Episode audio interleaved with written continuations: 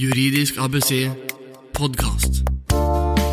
Kjenner du hovedprinsippene innen den kollektive arbeidsretten, og vet du hvordan samspillet mellom organisasjonene har formet norsk arbeidsliv og samfunn? Og ikke minst hva som kjennetegner en tariffavtale, og hvorfor det kan være smart for foretak å inngå tariffavtaler. Med disse spørsmålene sier jeg hei og velkommen til en ny episode av Juridisk ABC. Mitt navn er Eivind Arntzen, og jeg er strålende fornøyd med å være tilbake som din guide på denne podkastreisen inn i jussens verden. Hvis du er ny lytter til podkasten, kan jeg fortelle at dette er podkasten der jeg får besøk av fremragende fagpersoner som deler kunnskap og praktiske råd om juss som angår oss alle. Målet er alltid det samme. Det er å gi deg kunnskaper som du kan bruke for å unngå eller løse juridiske problemer som du møter enten i arbeidslivet eller i privatlivet.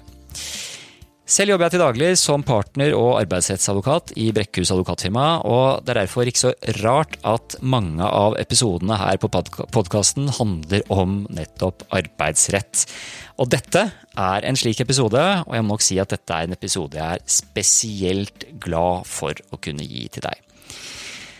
Det er et stort tema innen arbeidsretten vi skal snakke om i dag. Det er da kollektiv arbeidsrett. og det er stort, og det er også utrolig spennende. Eh, mange tenker kanskje at kollektiv arbeidsrett, eller tariffrett som det også heter, det kan være litt eh, vanskelig tilgjengelig og kanskje litt tørt, men det er det ikke. Eh, dagens podkast handler om de store avtalene som har formet norsk arbeidsliv.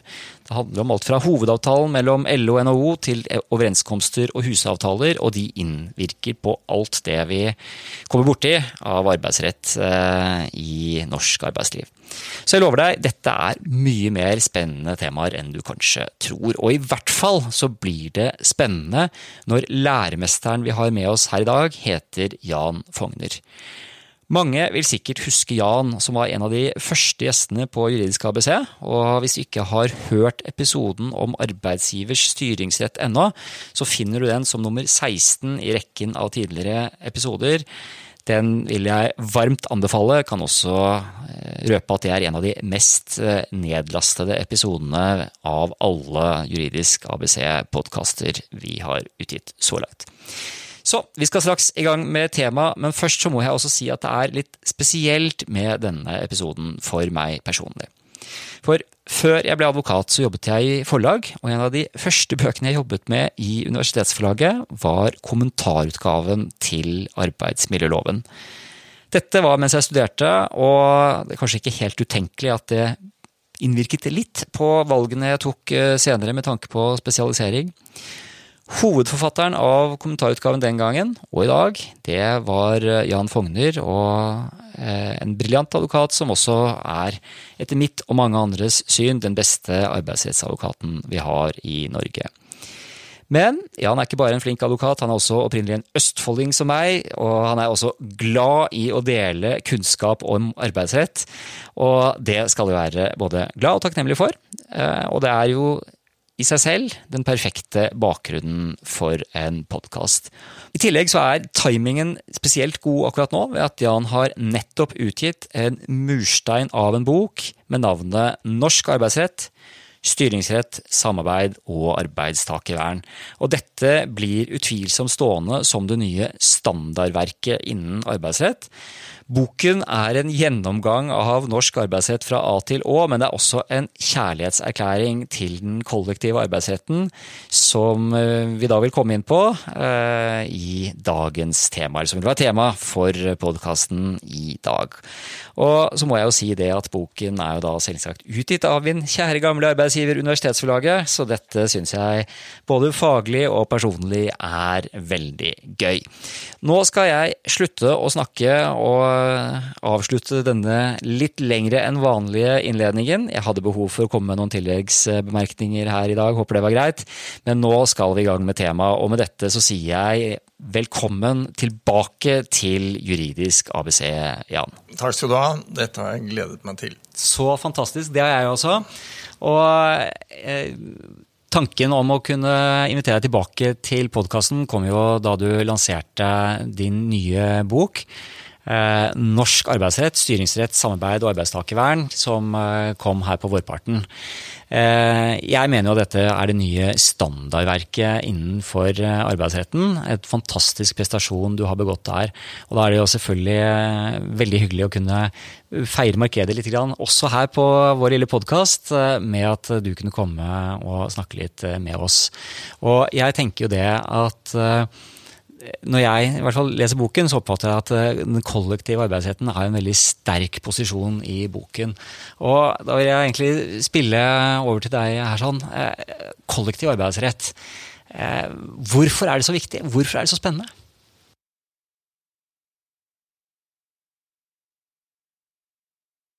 Ansettelse, så den individuelle arbeidsretten er jo det alle har et forhold til. Eh, men jeg har alltid vært opptatt av hvor ting kommer fra. Eh, og jeg har også eh, under min oppvekst i Sarpsborg erfart fagforeningens rolle. Jeg vokste opp i en industriby. Og der var samorganisasjonen byens øverste organ. Det var ikke bystyret. Vi hadde ikke et ordentlig rådhus, men vi hadde et Folkets hus. 1. Eh, mai-toget var større enn 17. mai-toget. Eh, det var den dagen man skulle feire. Eh, Borregaard leverte hus, tomter, butikker. De drev sosialarbeid. Folk som hadde behov, gikk først i 17. mai-toget. De hadde jobb på Borregaard, ble ikke sagt opp. Sånn at jeg har hatt med meg fra jeg var lite en fascinasjon da, over det samholdet som denne Samorg var. Eh, og jeg har alltid vært på jakt etter å forstå det. Eh, jeg har jobbet med arbeidsrett i, i mange år. Det har vært skrevet egentlig lite om sammenhengene fra starten 1890-1900 til vår individuelle arbeidsrett, som uh, får sitt klimaks 1977 med arbeidsmiljøloven, som alle har et uh, forhold til. Uh, så det jeg har gjort, er på en måte å gå tilbake til de aller første arbeidsrettsdommene, de aller første lovgivningsarbeidene, de aller første utredningene. Og ser jo at Eh, norsk arbeidsrett bygger rett og slett på avtaler som noen grupper mennesker, noen fagforeninger, inngikk med noen arbeidsgivere. Eh, Norge er et lite land, og tradisjonen har vært at det har vært små arbeidsplasser. Og sjefen så sine folk. Han hadde fire-fem som jobba for seg. Eh, og du det, det er grenser på hvor fæl du kan være hvis du er tett på folka dine. Mm. Men når industrialiseringen kom, da, eh, og du ikke så sjefen, og du ble en brikke, så eh, kom en slags hardhet inn i arbeidslivet. Eh, muligheten for å forhandle ble også veldig liten. ikke sant? Du var en liten brikke. Så den modellen veldig mange land da brukte for å uh, jevne ut den maktubalansen som oppsto når fabrikkene kom, var jo å gå sammen, organisere seg og forhandle pris på arbeid sammen. Tariffavtale er prisen på arbeid. Tariffen er prisen på arbeid. Dette var ekstremt omstridt. Uh, I uh, England første fagforening ble forbudt, ble sett på som oppvigleri i Norge. Markus Trane, som er regnet som eh, fagforeningens far, dømt. Eh, dette er etter ytringsfriheten vedtas 1814. Mm. Likevel sitter han i fengsel altså i mange år, eh, regnet som revolusjonær oppvigler. Så det tok lang tid før vi også i Norge aksepterte dette. Det som ble gjennombruddet, var at arbeidsgiverne skjønte at de var tjent med å få arbeidsfred og få kontrakter med de ansatte hvor de kunne sikre at innenfor denne perioden så er prisen dette, og det er ingen som streiker. Så laget de eh, den første hovedavtalen, som laget prinsippene for det som ble den første arbeidstidsloven, og som er grunnlaget for de eh, rettighetene som folk har fått. Eh, de første stillingsverntingene var regulert i hovedavtalen knyttet til tillitsmennene. Du kunne ikke si opp uten saklig grunn. Så saklig grunn kommer fra tariffavtalene. Og I Norge så har Stortinget eh, respektert at partene har laget modellen, og så har de kommet med supplerende lovgivning.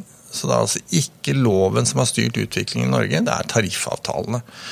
Eh, og når jeg har sett nærmere på um, betydningen av trepartssamarbeidet for Norges økonomiske utvikling, så er jeg blitt ytterligere fascinert. Det er fordi uh, regjeringen kan regne med at lønnsoppgjøret vil bringe sånn lønnsutvikling, at de kan regne på hvordan budsjettet skal være for at det ikke blir overopphetet økonomi. Så hele det samfunnet vi kjenner, mener jeg er bygget rundt denne norske modellen, hvor tariffavtalen er en hjørnesten. Og fordi vi nå lever i en tid hvor folk er veldig opptatt av individual optimalisering, eh, veldig mange har høyere utdannelse, man er opptatt av å kunne ivareta sine egne rettigheter, så ser vi at antallet organiserte går ned. Mm. Og det er selvfølgelig en eh, bekymring, for i det øyeblikket det er under halvparten som er medlem av en fagforening, så mister man legitimitet. Så for meg har det også vært viktig å prøve å formidle betydningen av denne grunnstenen. Den er fortsatt eh, relevant. Ja, for det er vel eh, du, du, peker på den norske modellen. Eh, ikke, kan, du, kan, du, forklare det begrepet litt nærmere for lytterne? Det er jo et veldig viktig begrep innenfor arbeidslivet og relasjonen mellom organisasjonene.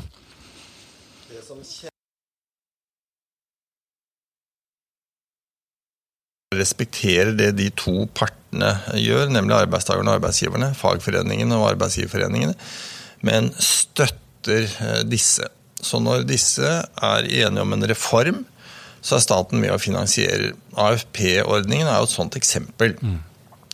Samfunnet kunne observere at eh, sliterne som jobbet i industri, ble sykemeldte og måtte gå av før aldersgrensen. Eh, Stortinget tar ikke noe initiativ til å løse det, men partene gjør det. Lager et AFP-bilag som legger opp til at folk skal kunne gå over 62. Staten tar en tredjedel av den regningen. Så det er helt unikt i Norge, eh, dette trepartssamarbeidet som er blitt den eh, norske modellen. Og det er jo det som har gjort at Norge har hatt en så fleksibel økonomi, fordi partene har tatt hensyn til hverandre. I Norge er det f.eks. veldig lett å si opp folk hvis ting går dårlig.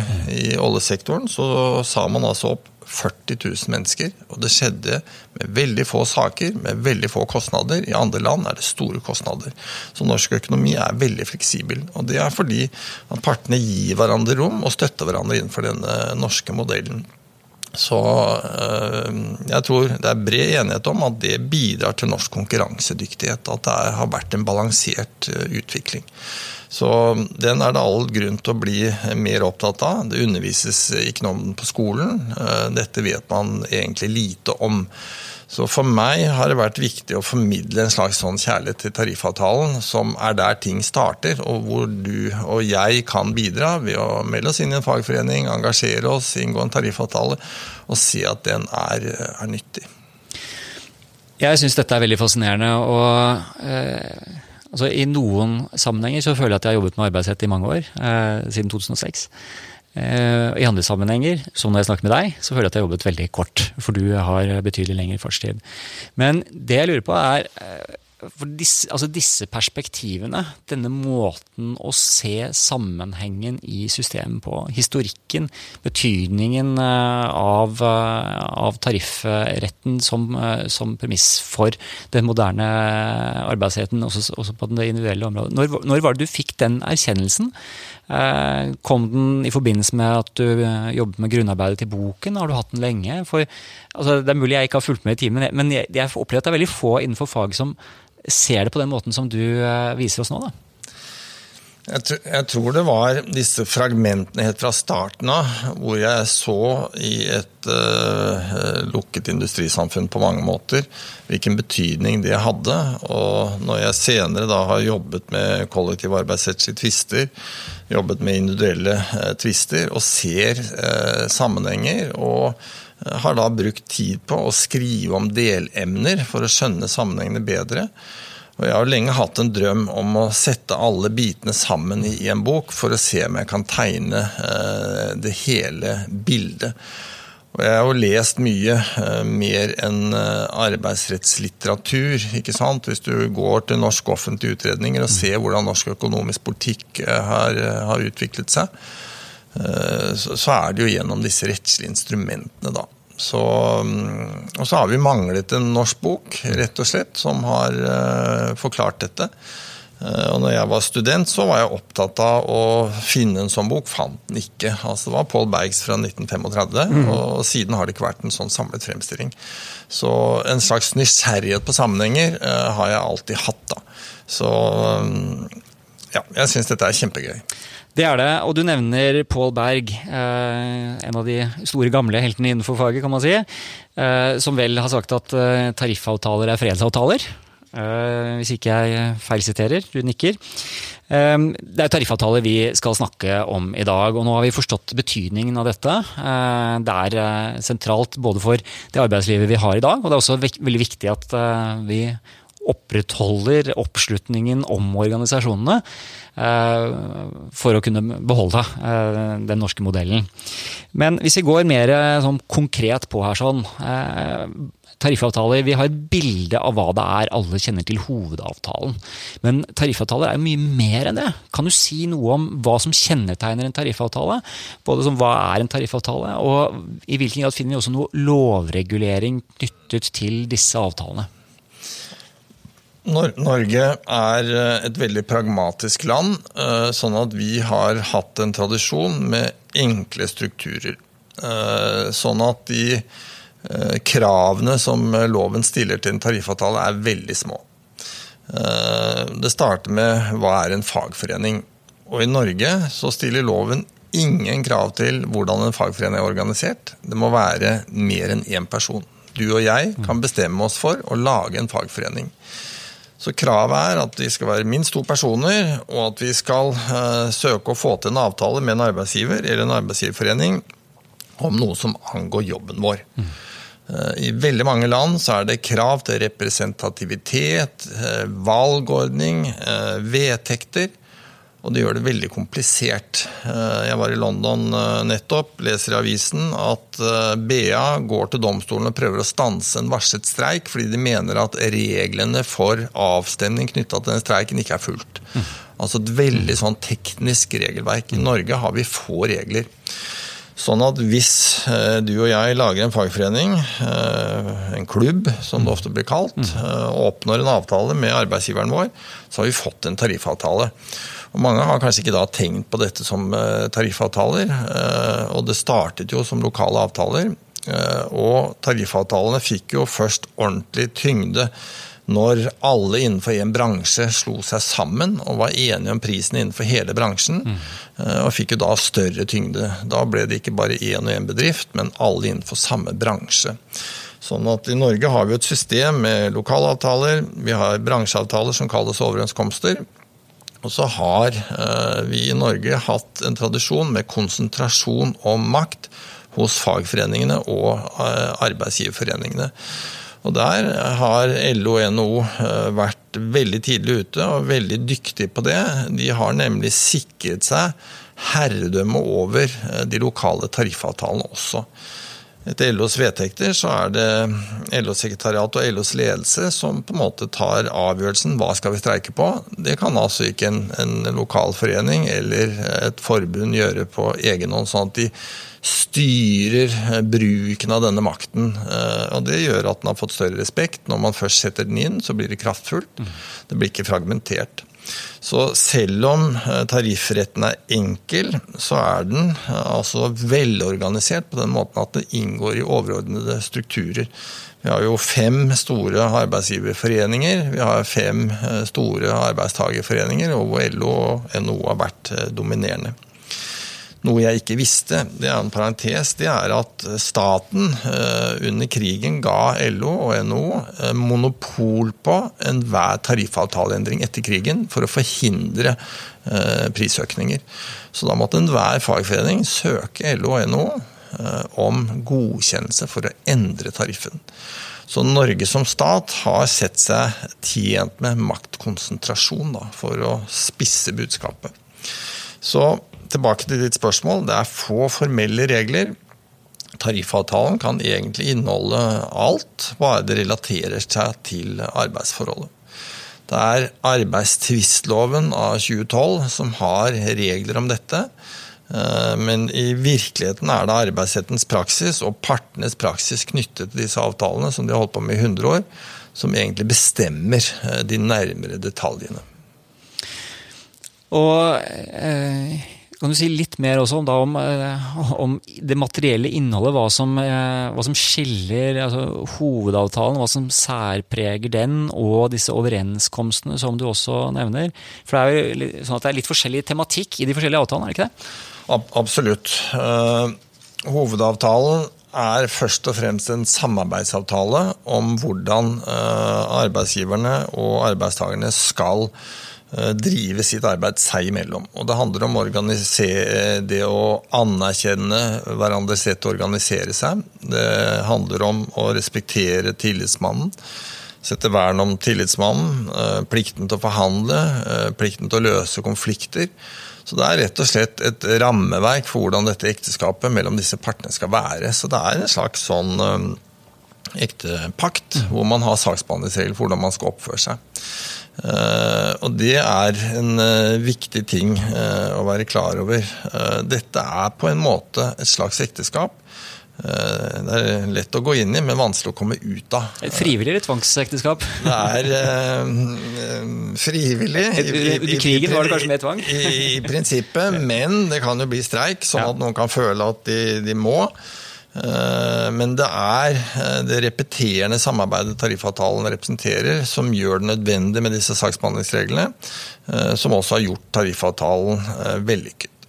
Så Det er hovedavtalen. Og så er det bransjeoverenskomster som fastsetter arbeidstid innenfor den enkelte bransje. Eh, skifttilleggene, hvordan det skal være. Eh, arbeidstidsordningen varierer jo veldig. Og fordi loven legger opp til at man i tariffavtale kan regulere arbeidstid på en annen måte enn loven, så kan det være regulert. Eh, og så selvfølgelig lønn og tillegg.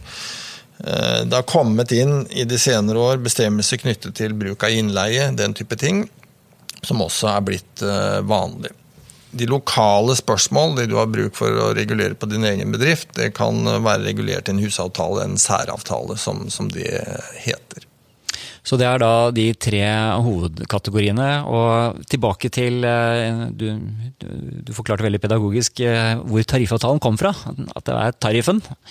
Eh, men da er det jo egentlig eh, slik at hovedavtalen, som da kanskje er eh, den mest kjente tariffavtalen, det er egentlig ikke en tariffavtale i ordets rette forstand, men da er vi mer på overenskomster og de lokale husavtalene. Ja, Nei, det er, det er helt riktig. Det er et slags paradoks at hovedavtalen handler egentlig ikke så mye om innholdet i vår arbeidsavtale, men er en saksbehandlingsavtale dem imellom. Eh, den hadde noen materielle regler knyttet til, til tillitsmannen. Eh, og så eh, har vi sett at arbeidsretten har utledet noen prinsipper også fra hovedavtalen.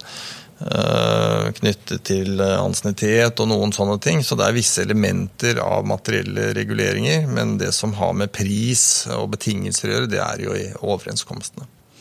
Før vi si, forlater hovedavtalen.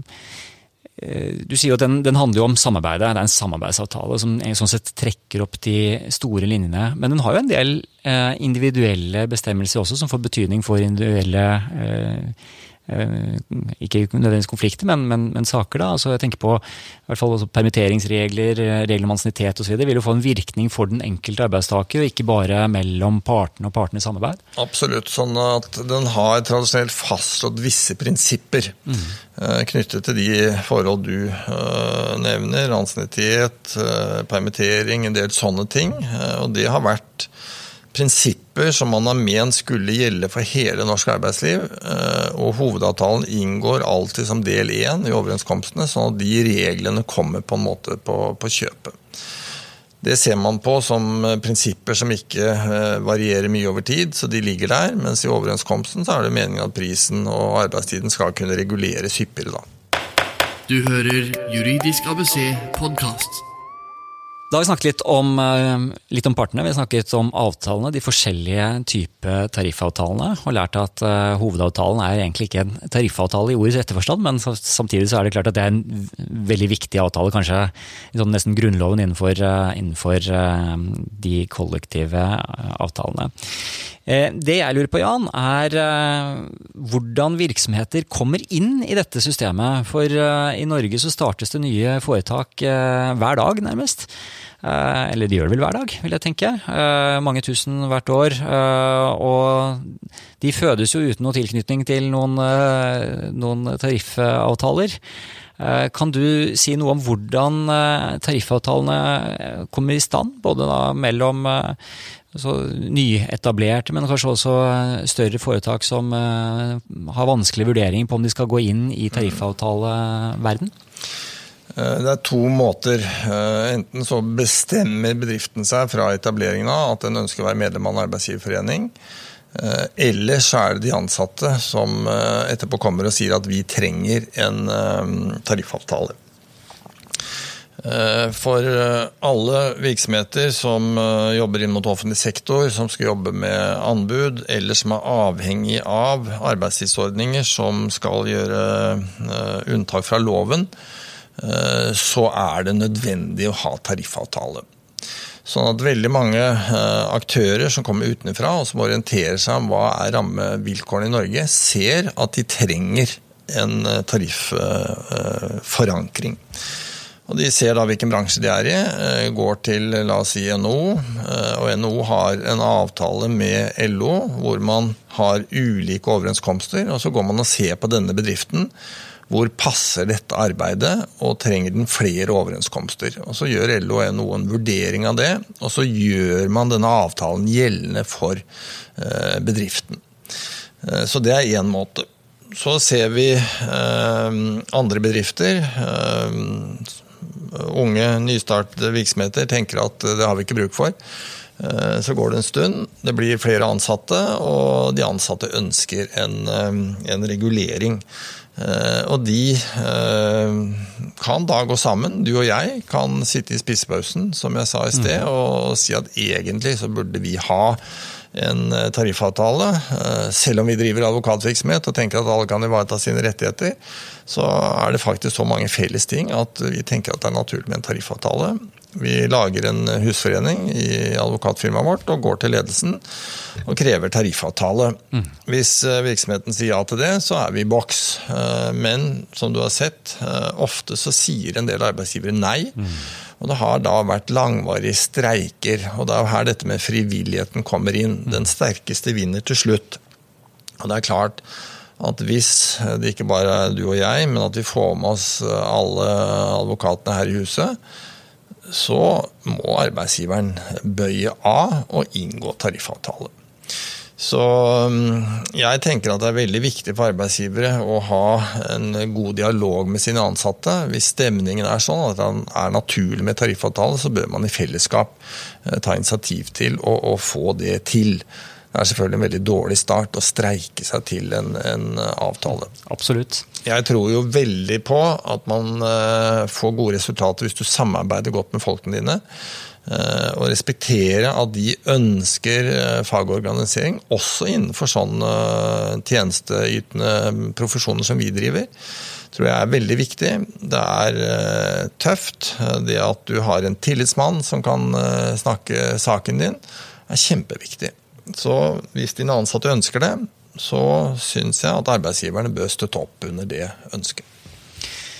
Ja, jeg tenker jo at én uh, ting er at uh, det er klart at tariffavtalene, da er det jo en del rettigheter som uh, arbeidstakerne selvfølgelig får. Men det er jo noen fordeler for arbeidsgiver også. For det første at man skaper jo et, et system for kommunikasjon. dette med å se folka dine, som du sier. altså Det å, å få det inn i litt ordnede former, det kommer jo som en, en, effekt av tariffavtalen. Men er det andre positive effekter også som man kan trekke frem som arbeidsgivere som vurderer vurderer tariftilknytning, tarifftilknytning, eh, bør tenke på? Eh, de fleste arbeidsgivere som ser tariffavtalen som en fordel, er opptatt av å få mer fleksible arbeidstidsregler. Ni til fire passer for veldig få, rett og slett. Det har vært mye lovarbeid i Norge for å se på om det kunne endres. Det har ikke lykkes. Vi har mulighet for, særlig selvstendige, Men det er eh, ikke så mange som er særlig selvstendige. Men hvis du inngår en Mange kontrakter, men det er kanskje ikke så mange som reelt sett Nettopp. Det er mange som har skrevet under på at de er det, men som ikke er det i virkeligheten. Det er jo tikkende bomber i mange foretak. Og mange har fått eh, store eh, forelegg av Arbeidstilsynet for det. Sånn at arbeidsgivere ser at hvis de kan gjennomsnittsberegne arbeidstid ved avtaler, så gjør man det. Wiersholm inngått tariffavtale med sine ansatte eh, av den grunn. Det synes jeg er et veldig godt poeng, eh, og for mange helt sikkert nok i seg selv. Dette at det gir mer fleksibilitet knyttet til arbeidstid. Og arbeidstid er jo noe alle ansatte har. Absolutt. Og mange har mye å gjøre. Og da er eh, noen ganger det gamle 40-timersrammen litt for, for snever. Dette er Juridisk ABC-podkast med advokat Eivind Arntzen. Jan, da har vi sett på hva avtalene er, hvem som inngår avtalene, eh, hvordan eh, de inngås. Men det er jo sånn at disse avtalene kan løpe over lang tid og mange år. Og noen ganger så er det jo behov for å gjøre endringer. Eh, Margrethe Medi fra NHO var på din lansering, og hun sa vel noe sånn som at det har vært konstruktive forhandlinger, men hun husket også at de hadde brukt om det var timer eller dager eller uker på å diskutere om tillitsvalgte fortsatt skulle ha gratis telefax. Noen ganger er disse avtalene kanskje, eh, om ikke hugget i sted, men i hvert fall vanskelig å endre. Kan du si noe om eh, hvordan en av partene kan gå frem hvis de ønsker endringer i eksisterende tariffavtaler? Eh, I Norge eh, så har norsk økonomi eh, vokst eh, nesten hvert år gjennomsnittlig, hvis vi ser stort på det fra, fra krigen. Sånn at tariffavtalene har jo ofte bestått i at hvert annet år så kommer fagforeningen med en ny kravsliste. Man ønsker seg nye ting. Og så har tariffavtalen fått et tillegg, en forbedring. Det har eh, inntil eh, oljekrisen kom i 2008, eh, vært lite den andre veien. Sånn at arbeidsgiverne er nå blitt flinkere til å komme med en kravsliste, de òg, om forandring. Og forandringen handler jo om dels å ta bort ting som ikke er relevant lenger, og dels om å redusere vilkår. Eh, Dette å modernisere tariffavtaler er eh, veldig viktig, men kjempevanskelig. Da jeg var hos Regjeringsadvokaten, så jobbet vi med et eh, prosjekt i Administrasjonsdepartementet hvor- vi gjennomgikk bl.a. tariffavtalen i NSB. De hadde fortsatt fyrbøtertillegget. Ikke sant? Det var helt sprøtt. Fagforeningene har som policy ikke ta ut noen ting. Eh, Sånn at det er, eh, tror jeg, bred aksept for at det er vanskelig å ta ut noe når noe har kommet inn i tariffavtale. Derfor så må man være veldig nøye når man skriver noe inn. Da må man være forberedt på at det varer lenge. Og jeg vil si at det kanskje er et uløst problem eh, at eh, vi ikke har en mekanisme for enkelt å ta bort ting som ikke lenger er eh, relevant. Arbeidsretten hadde for ikke lenge siden en sak oppe hvor NRK mente at en tariffavtale var falt bort, den var innholdsløs, det var ingen ansatte lenger som drev med dette. Likevel så sa arbeidsretten denne avtalen gjelder. Eh, Det kan komme sånne ansatte tilbake, og da er det denne avtalen som gjelder. Så selv om ingen ansatte sto i noe ansettelsesforhold som var omfattet av avtalen, så så, Gjaldt den fortsatt? Så, så, så gjaldt den i prinsippet. Så det ser jeg nå på som et problem, og jeg tror det er en grunn til at en del arbeidsgivere vegrer seg for å inngå tariffavtale. Det er lett å få noe inn, men utrolig vanskelig å få noe ut. Eh, Nå eh, vil tidene endre seg, ting blir barskere, ting vil gå mer opp og ned. sånn at jeg tror vi må, eh, begge parter, arbeide med dette og venne oss til at ting også kan gå ned. Ja, og jeg husker en av, de, en av de første gangene jeg kom i kontakt med arbeidsretten, var hvor jeg ble forundret eh, og hørte om en eh, en aktør innen landbruket. Hvor man hadde hatt uh, type arbeid som, som var rett og slett litt sånn grisete arbeid. Og man hadde fått særlig kompensasjon for det. Så kom det nye produksjonsmåter som gjorde at det ikke, ikke var nødvendig å utføre oppgaven på den måten lenger. Men man hadde jo fått en kompensasjon for dette grisearbeidet. Og da ble det fremforhandlet kompensasjon for bortfall av ulempe. Og det er jo sånn som du må være inne i dette systemet for å klare å forstå gangen i, tenker jeg. Dette er fyrbøtertillegget en gang til, ikke sant? og det henger jo dypest sett sammen med at folk er vant til å få så og så mange penger per time, mm. og den skal ikke ned. Så når arbeidstiden ble satt ned fra 40 til 37,5, så eh, fikk jo arbeidsgiver mindre produksjon, men lønnen skulle ikke gå ned. Absolutt. Så det er et uttrykk for at i Norge har vi hatt en veldig sterk økonomi. Det har gått bedre og bedre hvert eneste år, og vi har kunnet jobbe eh, enklere, renere, sikrere og tryggere. Snakke litt om aktørene her. sånn. Eh, arbeidsgiverne, der er det jo litt gitt. Eh, man har sine representanter som varetar arbeidsgiver eller foretakets interesser. Og så sitter det jo noen på arbeidstakersiden. Og hvis du og jeg hadde startet en liten klubb, så fikk vi jo bli enige om hvem som skulle være talsperson. Men kan du si noe om hvordan eh, demokratiet fungerer på arbeidstakersiden? Eh, valg av tillitsvalgte og talspersoner på vegne av de ansatte? Eh, vi har fem store arbeidstagerorganisasjoner i Norge. LO, YS, Unio, Akademikerne. Fire, unnskyld. Og de har litt ulike profiler og har historisk rettet seg mot eh, litt ulike arbeidstagergrupper. Eh, organisasjonene er bygd opp litt ulikt. Eh, LO er den mest gjennomintegrerte organisasjonen, hvor makten er mest konsentrert på Youngstorget.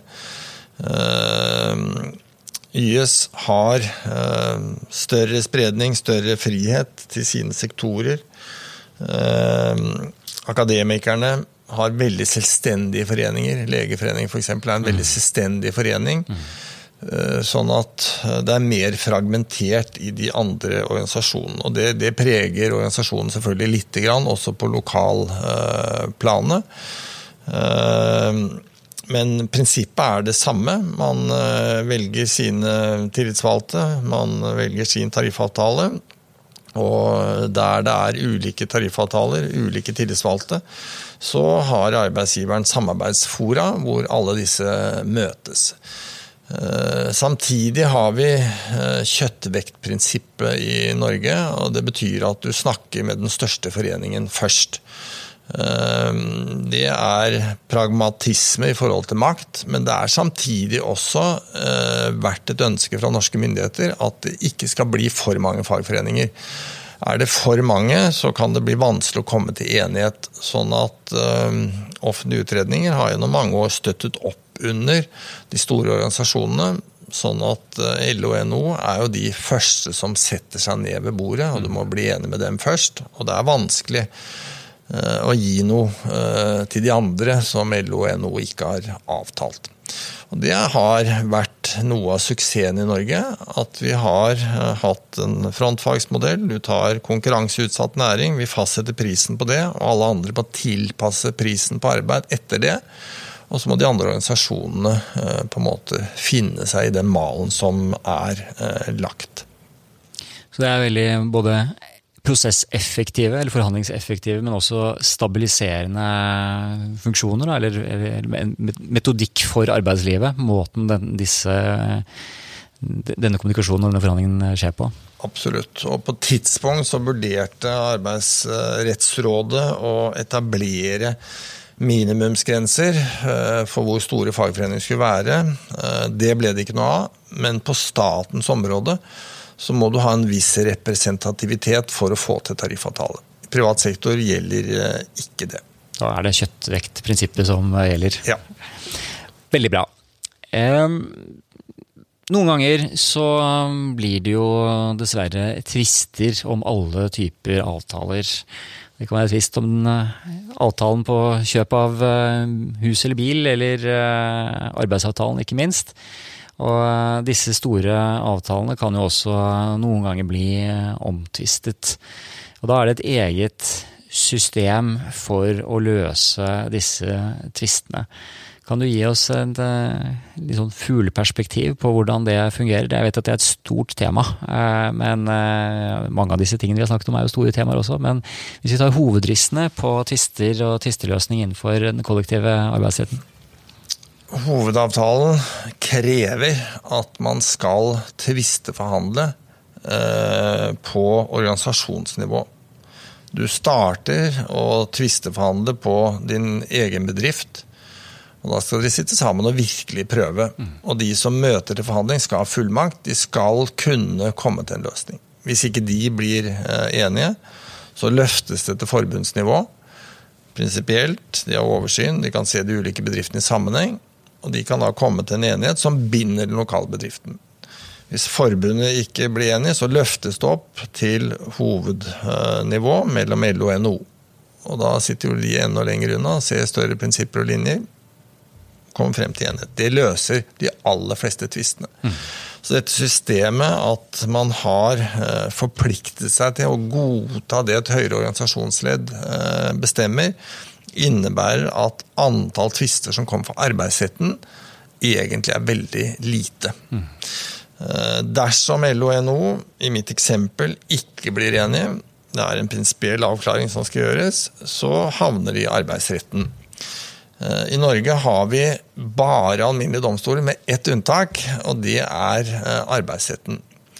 I 1915 så var det Stortingets oppfatning at det var så mye sprengstoff i forholdet mellom arbeidsgiver og arbeidstaker at man måtte ha spesielt uh, kyndige folk for å løse de konfliktene. Det var mye politikk i det. Du måtte ha samfunnskunnskap, og du måtte kunne løse konfliktene raskt, og du måtte forstå arbeidslivet. Da ble det opprettet en særdomstol. Partenes domstol, arbeidsretten. Staten betaler, men partene kan bringe sine tvister inn der. I den domstolen så sitter partene representert med tre nøytrale dommere i midten. Uh, de behandler la oss si 40 tvister i året. Det er et veldig lite antall. ikke sant? Når du tenker på alle de tariffavtalene, mm. alle de uenighetene som oppstår. Så partene ordner opp i det aller meste selv. Arbeidsretten er fantastisk på den måten at den har ressurser, kan avgjøre tvisten raskt. I løpet av noen uker fra du har inngitt stevning, så kan du få dom i arbeidsretten. Og Det betyr at du kan jobbe videre mm. og ha løst konflikten. En sak for Høyesterett fra start til slutt, tre år. Mm. Og det er klart Når jobben skal gjøres hver dag, så er det uholdbart. Du må ha en avklaring nå. Mm. Så vi har altså et veldig effektivt tvisteløsningssystem i Norge. Arbeidsretten har heller ikke tradisjon for å pålegge den tapende part omkostninger. Det er sett på som en slags nøytral måte å løse uenigheter på. Så det oppleves ikke som fiendtlig å gå til arbeidsretten. Det er en ryddig måte å avklare eh, tvister på. Er det også unikt for Norge, at man har det systemet?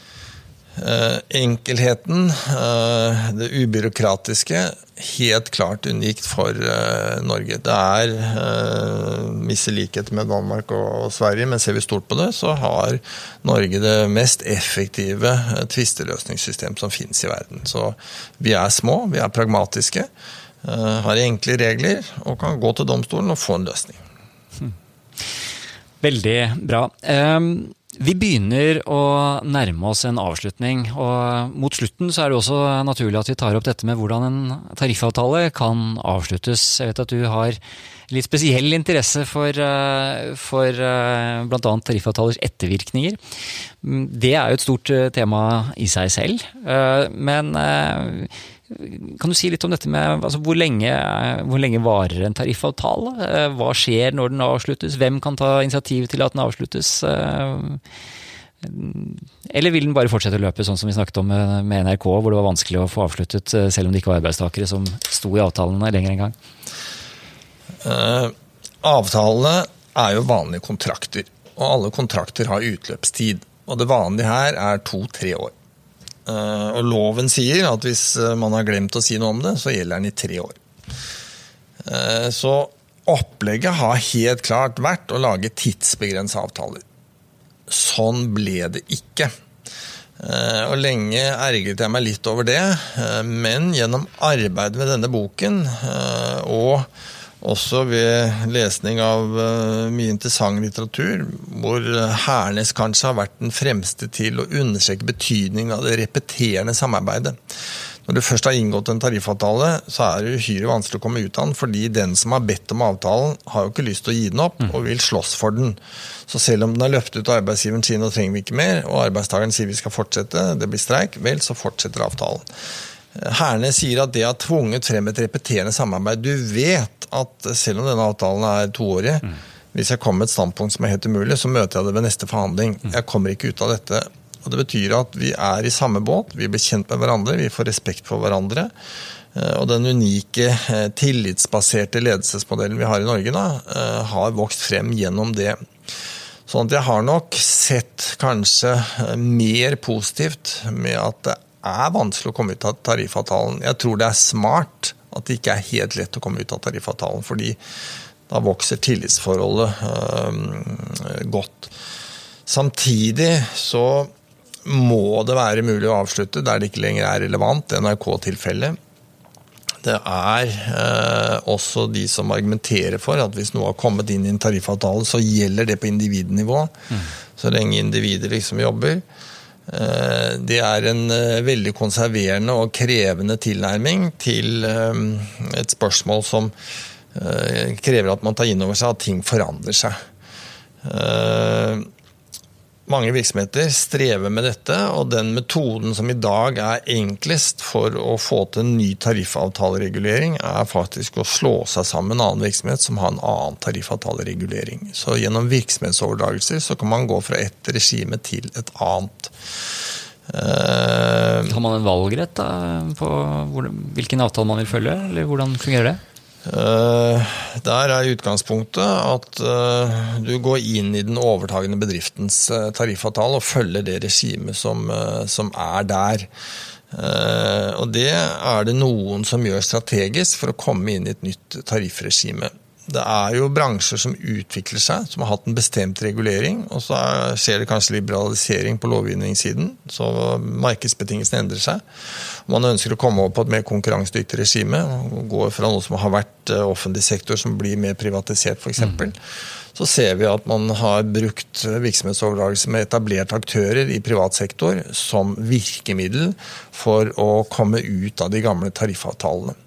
Eh, og Det er det nå blitt eh, tvister om. Skal det ha den konsekvens at eh, Per og Pål nå får virkelig lavere lønn enn tidligere? Oslo tingrett sa like før sommeren at ja, det må de ansatte finne seg i. En tariffavtale kan gå opp, og en tariffavtale kan gå ned. Et dynamisk område, og det skjer stadig ting. Og vi har jo sett også at flere av de hovedprinsippene som eh, er innenfor tariffretten, har, eh, har vært oppe i, i, domstolsapparatet og mye omtalt sist år. Bl.a. tolkning av ansiennitetsprinsippet har vi jo hatt en, en avgjørelse på. Jan, tusen takk for at du har delt av din kunnskap og pedagogiske fremstillingsevne, som jeg mener er, er helt unik. Det er vi jeg er helt sikker på at det er veldig mange lyttere som er veldig mye mer opplyst nå. Veldig takknemlig for at du har delt av din tid her sånn. Eh, helt på slutten så har jeg lyst til å høre litt eh, om du har noen eh, gode råd om hvordan man kan vite, lære seg mer om temaet. Jeg vil jo selvfølgelig begynne med å si at å lese boken din er et naturlig startsted. Men hvilke kilder vil du anbefale for de som vil vite mer om kollektiv arbeidsrett? Jeg, jeg syns jo arbeidsrettens dommer eh, er utrolig spennende. Mm. Ikke sant? Der kommer du inn i en konkret bedrift, en konkret bransje. og Du kan se en konkret tvist, og du kan se hvordan partene har jobbet med det lokalt. Eh, hele tvisteforløpet er beskrevet, og så kan du se hvordan dommerne løser den konflikten. Så jeg tenker at det å søke på Lovdata google, få opp noen dommer, eh, orientere seg gjennom det, er en veldig enkel og ganske morsom måte å lære på. du er inne i virkeligheten med en gang. Det er en liten roman som du kan kose deg med, og de norske dommene er ikke lenger enn at det er mulig å skjønne de. Så, så det er mitt beste insider-tips. Jeg syns det er et utrolig godt råd, som selvfølgelig gjelder på andre områder også. Og det er jo noe med at vi mennesker vi lærer jo mye si, raskere og på en mye mer fornøyelig måte når det er god fortellerkunst. Og jeg er helt enig i en del av disse dommene så er det spennende å lese og følge eh, forløpet. For det er jo mennesker av kjøtt og blod som eh, har vært involvert under. Det er ikke bare paragrafer og, og tørre bestemmelser. Takk igjen. Og helt til slutt så har jeg lyst til å spørre deg litt, fordi eh, rett før vi skulle spille inn denne podkasten, eh, nå sist fredag, så ble du eh, utnevnt eh, som leder av eh, nytt eh, lovutvalg. Gratulerer med det. Takk. Kan du fortelle litt om hva oppdraget deres er? Dette handler jo, Etter det jeg har forstått, så handler det jo om et arbeidsliv i endring. Det er jo noe vi har snakket om på podkast mange ganger før. at det, altså Selv om man lærer seg noe om jussen i dag, så er dette et veldig dynamisk fag. Det, er, det kommer stadig endringer, enten det kommer fra tariffretten eller fra andre steder. Men du skal også se på det dynamiske arbeidslivet i lovreformkontekst, slik jeg har forstått det. Hele vår reguleringsmåte som vi nå har snakket om, bygger jo grunnleggende på fastansettelsen. At den som utfører kjerneproduksjonen for arbeidsgiveren, er ansatt hos arbeidsgiveren. Det er da du blir tillitsvalgt, det er da du blir organisert, det er da du kan få medinnflytelse og du kan snakke med arbeidsgiveren din. Det er klart at øh, når øh, folk er innleid, når folk er inne på entrepriser, når folk eh, er selvstendige eh, og jobber som tjenesteleverandører, så fragmenteres dette. Og Da kommer vi litt tilbake til det vi startet å snakke om, at det blir lang avstand mellom de som bestemmer og de som gjør arbeidet.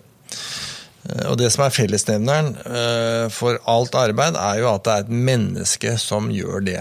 Eh, og det å se på hvilken effekt det har for mennesket og arbeidsplassens evne til å fungere godt hvis det blir en fragmentert tilknytning gjennom ulike tilknytningsformer, eh, gjør det at vi får et dårligere arbeidsliv? Og bør man se på måten dette er regulert på, for å tilpasse det, eh, den utviklingen vi står ovenfor?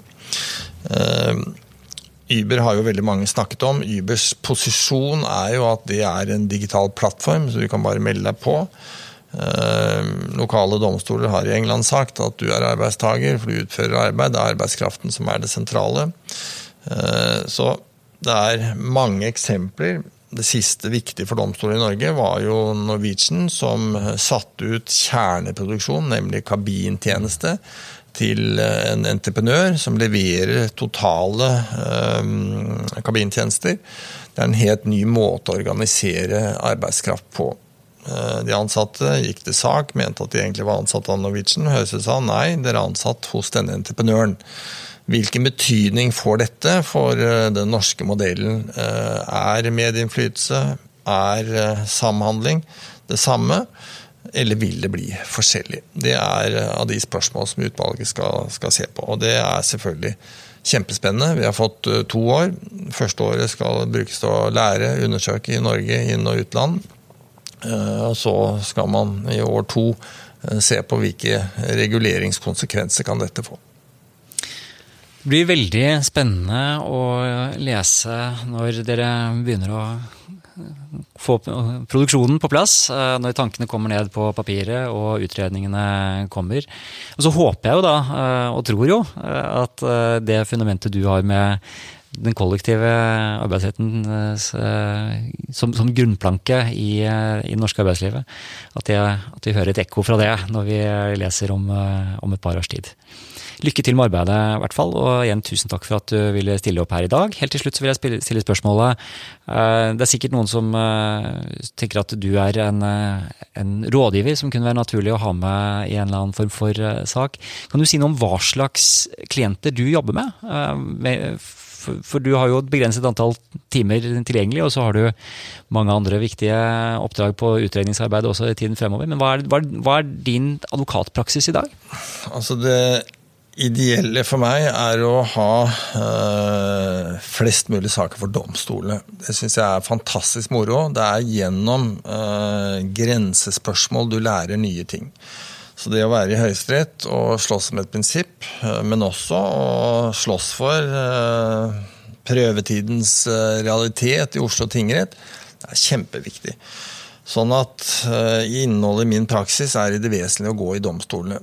Jeg er med og diskuterer endringsprosesser, eh, men jeg liker jo særlig godt tvister, fordi der kommer forandring ordentlig på spissen, da. Eh, så jeg elsker eh, også de små hverdagslige konfliktene og går i tingretten med det. Og Hvis noen vil kontakte deg, så er det bare å google Jan Fogner, så kommer kontaktinformasjonen hos Wiersholm raskt opp, tenker jeg. Tusen takk igjen eh, for at du eh, var med oss eh, på Juridisk ABC, Jan Fogner. Likeså. Juridisk ABC podkast. Det var dagens podkast. Jeg håper du satte pris på å lære om kollektiv arbeidsrett. Hvis du har lyst til å lære mer om praktisk arbeidsrett, så kan jeg også fortelle at jeg hver måned har et nytt webinar, et kurs som jeg holder eh, live på nettet for eh, ledere og HR-ansvarlige, hvor jeg tar opp et aktuelt juridisk eh, tema, altså innenfor arbeidsretten. Eh, og vi ser på da hvordan man kan gå fram i praksis for å følge opp det. Mange spennende temaer vi har hatt eh, så langt. Vi har snakket om arbeidstid, om endringer, om midlertidige ansettelser, om nyheter innenfor arbeidsretten, om varsling og trakassering, og listen er lang. Det er altså et nytt webinar hver måned. For å finne ut mer om det, så er det bare å melde seg på nyhetsbrevet til Juridisk ABC. Gå inn på juridiskabc.no, så finner du mulighet til å melde deg på nyhetsbrevet der, og da vil du få holdt deg oppdatert om webinarer og kurs og annet som kommer. Helt på slutten så har jeg lyst til å spørre deg om en tjeneste. Eh, det er utrolig viktig for denne podkasten, og har vært en utrolig viktig del av eh, hvordan den har blitt bygget opp, at eh, jeg har fått gode tilbakemeldinger fra dere som lytter. Nå har jeg en liten utfordring, og det er at eh, på Apple så har vi falt ned fra en blank femmer og ned på en 4,9. Så etter å ha hatt et strålende rekke med anmeldelser og fem stjerner hele veien, så er det noen som har vært inne og ødelagt litt. Eh, og nå har jeg behov for å sørge for at vi får den rankingen tilbake der den skal være. Så hvis du er fornøyd med denne podkasten, så hadde jeg satt utrolig stor pris på om du hadde hatt mulighet til å gå inn på Apple Podcasts. I gamle dager kalte de det iTunes, men nå har Apple endret navn på det. Nå heter det Apple Podcasts. Gå inn der og trykk på der hvor du kan gi en vurdering av podkasten. Så vil din vurdering være helt uvurderlig for juridisk ABC. Det er utrolig viktig for å synes, og gjør, og det gjør da at jeg får de lyttertallene som er nødvendig for at vi også kan få de beste gjestene til å bruke tid på å komme hit på podkasten. Så det er en vinn-vinn for alle. Så jeg håper at eh, det er greit at jeg ber om den lille tjenesten. Eh, jeg kommer forhåpentligvis til å få laget eh, flere spennende episoder nå utover høsten. Flere er planlagt, og så er det bare det å få tid i en hektisk hverdag. Jeg er i hvert fall veldig glad for å kunne dele dagens episode med deg. Og så kan jeg fortelle at jeg allerede nå har avtalt innspilling av neste episode, så jeg håper at ikke det blir så altfor lenge til neste gang. Og jeg håper da at du husker å trykke på abonner-knappen, slik at eh, nye episoder kommer automatisk til telefonen din. Og med det så sier jeg tusen takk for i dag, og på gjenhør. Ha det bra. Du har hørt Juridisk ABC podkast. For mer informasjon om dagens tema, se juridiskabc.no. Her finner du flere podkaster og artikler innen arbeidsrett, eiendomsrett, familierett og temaer for deg som driver egen virksomhet. Meld deg på vårt nyhetsbrev på juridiskabc.no. Produsert av Øystein Weibel og Kanonlyd. Kaboom!